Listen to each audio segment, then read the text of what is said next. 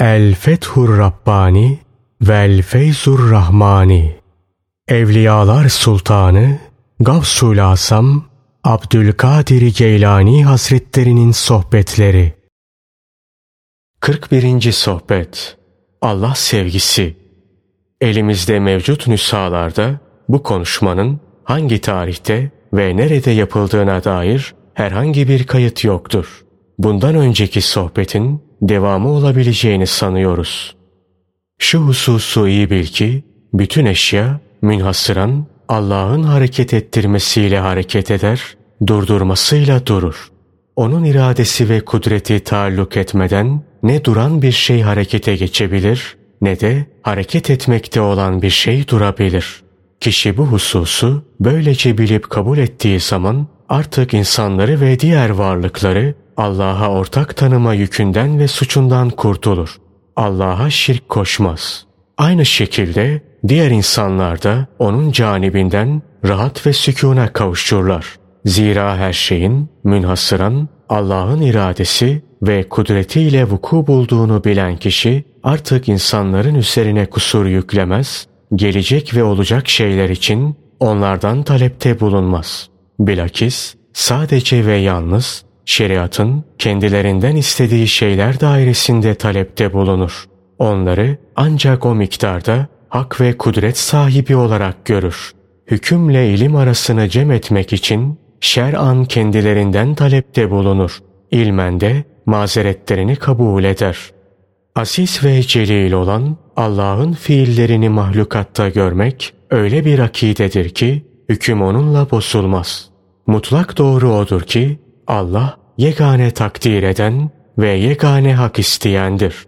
O işlediklerinden sual olunmaz. Fakat insanlar yaptıklarından sorguya çekilirler. Sarsılmaz iman sahibi, muvahhid, Allah'tan razı, onun hükümlerine ve takdiratına uyan, Allah'ın gerek kendisi ve gerekse başkaları hakkındaki fiillerine boyun eğen her Müslümanın inancı işte budur. Allah senden de senin sabrından da müstahanidir. Sana da senin yardımına da ihtiyacı yoktur. Fakat o bakıyor ve sana göstermek istiyor ki acaba iddianda nasıl hareket edeceksin? İddianda doğru musun, değil misin? Seven hiçbir şeye malik olmaz. Sevdiğine her şeyi teslim eder. Sevgi ve muhabbetle malikiyet bir arada toplanmaz. Aziz ve celil olan Allah'ı seven ve sevgisinde hakikaten sadık olan kişi nefsini de, malını da, akıbetini de ona teslim eder. Gerek kendi hakkında ve gerekse başkaları hakkında ihtiyarı yani tercih etme ve seçme hakkını elden bırakır, Allah'a teslim eder. Kainattaki tasarrufu hakkında Allah'ı ithama kalkışma, onun tasarrufunda acele etmesini isteme, ona cimrilik isnadında bulunma. Onun katından gelen her şeyde hayır vardır. Onun tasarrufuyla bütün batıl yollar kapanır. Ancak kendisine giden yol açık kalır. Ey izzet ve celal sahibi Allah'ı sevdiğini iddia eden kişi, senin için bütün beyhude yolların tamamı kapanıp yalnız Allah'a giden yol açık kalmadıkça ona olan muhabbet ve sevgin kemale ermez. Senin sevgilin öyle bir sevgilidir ki arştan yerin dibine kadar bütün varlıkların sevgisini senin kalbinden çıkarır. Hem de öyle bir çıkarır ki artık ne dünyayı seversin ne de ahireti. Kendinden bile ürküntü duyar, yalnız onunla ünsiyet edersin. Öyle ki tıpkı Leyla'nın Mecnun'u gibi olursun.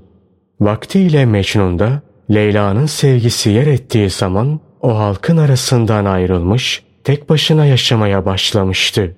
Daha sonraları vahşi hayvanların arasına gitti. Mamur beldeleri bıraktı, harabelerde kalmaya başladı. Halkın övmesini de, yermesini de bir kenara attı. Onun nasarında onların konuşması da, sükut etmesi de birdi. Kendisinden hoşlanmaları da, hoşlanmamaları da farksızdı. Bir gün kendisine soruldu. Sen kimsin? Mecnun cevaben dedi ki, Leyla. Yine soruldu. Nereden geldin? Mecnun yine Leyla dedi. Bir daha soruldu. Nereye gidiyorsun? Mecnun cevaben yine Leyla dedi. Mecnun'un gösteri Leyla'ya olan sevgisinin şiddetinden dolayı ondan başkasını görmeye kör, kulakları da Leyla kelimesinden gayri kelimeleri işitmeye sağır olmuştu. Onun için etrafındaki insanların bu halinden dolayı kendisini ayıplamaları onu hep Leyla kelimesini sayıklamaktan vazgeçiremedi. Nitekim birisi ne güzel söylemiş. Nefsler bir kere heveslere meyletmemiş olsun. Artık insanlar sürekli soğuk demire çekiç vururlar. Şu kalp aziz ve celil olan Allah'ı tanıdığı, sevdiği ve ona yakınlaştığı zaman insanlardan ve diğer varlıklardan ürker. Yemeye, içmeye, giyinmeye ve evlenmeye karşı ünsiyet peyda edemez olur. Mamur beldelerden, evlerden kaçar. Harabelere yönelir. Onu şeriatın emrinden başka hiçbir şey bağlayamaz. Şeriat onu emirde, nehide ve fiili ilahide bağlar. Kaderin geleceği vakitlere kadar bağlar. Allah'ım bizi rahmetinin elinden bırakma. Eğer bırakırsan biz dünya denizinde boğuluruz. Varlık denizinde boğuluruz. Ey keremini saçan, bize idrak ver, anlayış ver. Bize hakikatleri idrak ettir. Ey oğul! Benim söylediklerimle amel etmeyen onları anlayamaz. Eğer amel ederse anlar. Benim hakkımda hüsnü zan beslemez, bana inanmaz ve söylediklerimle amel etmezsen nasıl anlayabilirsin? Düşün ki mesela sen açsın, gelmiş, karşımda duruyor fakat sana ikram ettiğim yemeği yemiyorsun. Bu durumda benim yemeğimin nefasetini nasıl anlayabilir ve açlığını nasıl giderebilirsin? Allah ondan razı olsun. Ebu Hureyre'nin rivayet ettiği bir hadiste Resulullah sallallahu aleyhi ve sellem şöyle buyururlar. Bir gece hastalanan birisi eğer Allah'tan razı olur ve tutulduğu hastalığa karşı sabır ve tahammül gösterirse tıpkı anasından doğduğu günkü gibi günahlarından sıyrılır. Sana hiçbir şey kendiliğinden gelmez. Senin mutlaka çalışman, himmet ve gayret göstermen gerekir. Allah ondan razı olsun. Ashabtan Muaz, diğer sahabilere hitaben zaman zaman şöyle derdi. Geliniz bir an iman edelim. Geliniz bir an imanın tadını tadalım. Kalkınız bir an kapılar açalım. O bu sözleri ashaba olan sevgisinden ve merhametinden dolayı söylüyor ve derin hakikatlere muttali olmaya işaret ediyordu. Sarsılmaz bilgi ve inanç gözüyle nazar edilmesine işaret ediyordu.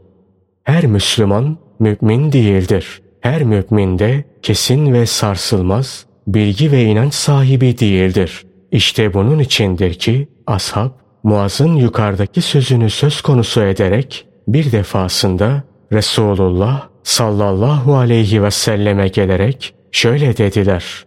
Muaz bize geliniz bir an iman edelim diyor. Bizler mümin değil miyiz ki? Onların bu sözü üzerine Allah'ın Resulü sallallahu aleyhi ve sellem kendilerine şu cevabı verdi. Muaz'ı ve davranışını kendi haline bırakınız. Ey nefsinin, hevasının, tabiatının, şeytanının ve dünyasının kulu olan kişi, senin gerek Allah indinde ve gerekse onun salih kulları yanında hiçbir değerin yok. Ben ahirete tapan, ahirette cehennemden kurtulup cennete kavuşmak için Allah'a kulluk eden kişiye bile iltifat etmiyor, değer vermiyorum. Dünyaya ve dünya malına tapana nasıl değer vereyim ki? Yazık sana, amel etmeksizin, yalnızca laklakiyatla ne yaparsın? Sen yalancının birisin. Fakat sana kalırsa doğru insansın. Dilinle söylediklerini fiilinle yalanlıyorsun. Sen Allah'a şirk koşuyor, ortaklar tanıyorsun. Fakat sana sorulursa bir muvahhidsin. Kendinin sıhhatli ve doğru yolda olduğuna inanıyorsun. Elinde ayarı bozuk ve değersiz madenlerle karışık bir meta var. Fakat sen onun saf cevher olduğuna inanıyorsun. Benim seninle meşgul olmam, seni yalan söylemekten men etmek, doğru konuşmayı emretmek içindir. Elimde üç tane mihenk taşı var. Ben onlarla doğruyu eğriden, hakiki cevheri kalp ve ayarsız cevherden ayırt ederim. Bunlar kitap, sünnet ve benim kalbimdir. Son mihenk olan kalpte şahıslar ortaya çıkar. İnsanların hangi manevi, ahlaki mertebelerde bulundukları kalp mihengiyle ayan beyan belli olur. Fakat kitap ve sünnetle amel edilmedikçe kalp mihenk taşı olma mertebesine erişemez. İlim ve irfanla amel etmek ilmin tacıdır. İlim ve irfanla amil olmak ilmin nurudur, safanın safasıdır, cevherin cevheridir, özün özüdür. İlimle amil olmak kalbi sıhhate kavuşturur, düzeltir, temizler. Kalp sıhhatli ve temiz olursa bütün diğer uzuvlarda sıhhatli olur. Kalp temiz olursa diğer uzuvlar da temiz olur. Kalp güzel ahlak libaslarıyla bezenirse cennette bezenir. Kalp denen o et parçası salih ve doğru olursa bünye de sıhhatli olur. Kalbin sıhhati insanoğluyla Rabbi arasındaki özün sıhhatindendir. Öz bir kuştur. Kalpse onun kafesidir. Kalp bir kuştur. Bünye ise onun kafesidir. Bünye de bir kuştur. Kabirse onun kafesidir. Kabir kalbin kafesidir. Öyle ki insanların mutlaka oraya girmesi mukadderdir.